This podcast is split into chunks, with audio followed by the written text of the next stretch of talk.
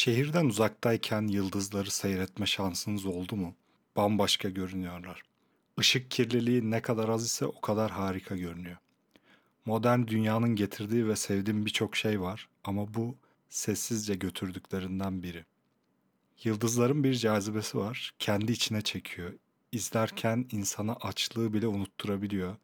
Maslow'un ihtiyaçlar hiyerarşisinde bir anda yukarıya ışınlayan ilham verici bir sanat gibi evrenin ne kadar büyük olduğunu, bizim istesek de istemesek de bu güzelliğin bir parçası olduğumuzu hissettiriyor.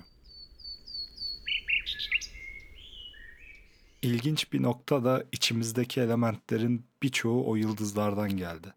Örneğin demirin oluşması sadece büyük yıldızlarda gerçekleşebiliyor.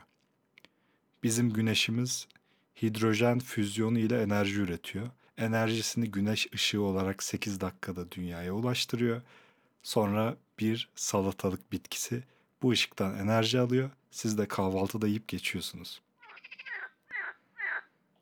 Yakın zamanda hidrojen füzyonu ile dünyada ilk defa verilen enerjiden daha çok enerji elde etme deneyi gerçekleşti.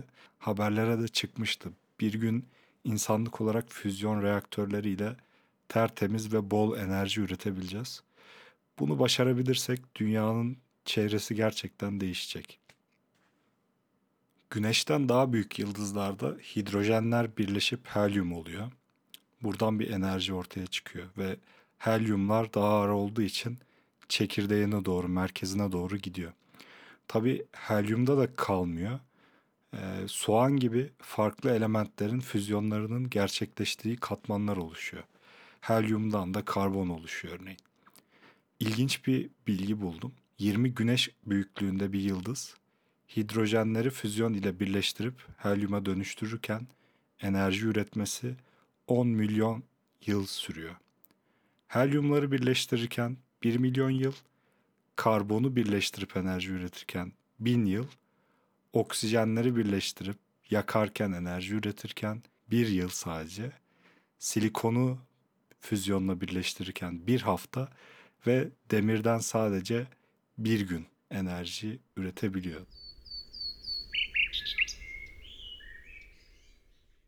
Hidrojenden helyum oluştururken enerji elde ediliyor. Demiri oluştururken daha az enerji veriyor. Demir ve sonraki elementleri birleştirmek enerji veren değil, enerji alan bir şey. Daha sonra yıldız yeni enerji üretemeyince kendi içine çöküyor. Ya nötron yıldızı ya da kara delik oluşuyor. E, bu çökme ya da patlama işlemine de süpernova deniyor ve bazı parçalar kopup uzayda dolaşıyor. Bunlardan bir kısmı da dünyaya geliyor. Böylece dünyada demirimiz oluyor. Patlama sırasındaki enerji diğer oluşması enerji yutan, kendi kendine füzyonla yıldızın içinde oluşmayacak elementlerin de oluşmasını sağlıyor. Örneğin demirsiz kanımız oksijen bile taşıyamıyor. Kırmızı kan hücrelerindeki hemoglobin proteini için gerekli. Yıldızlar uzak gibi görünse de aramızda sağlam bir bağ var. Hani derler ya hepimiz yıldız tozuyuz. İnternette ışık kirliliği haritasına bakıp yıldız seyretmek için yer bulmanın ne kadar zor olduğunu görebilirsiniz. Bortle ölçeği, Bortle scale diye bir ölçü var. İncelerseniz şehirdeki gökyüzünün ne kadar sönük ve cazibesiz kaldığını görebilirsiniz.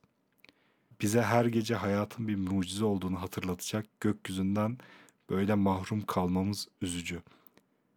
Oscar Wilde'ın sözüyle bitireyim. Hepimiz bir bataklıkta yaşıyoruz ama bazılarımız yıldızlara bakıyor.''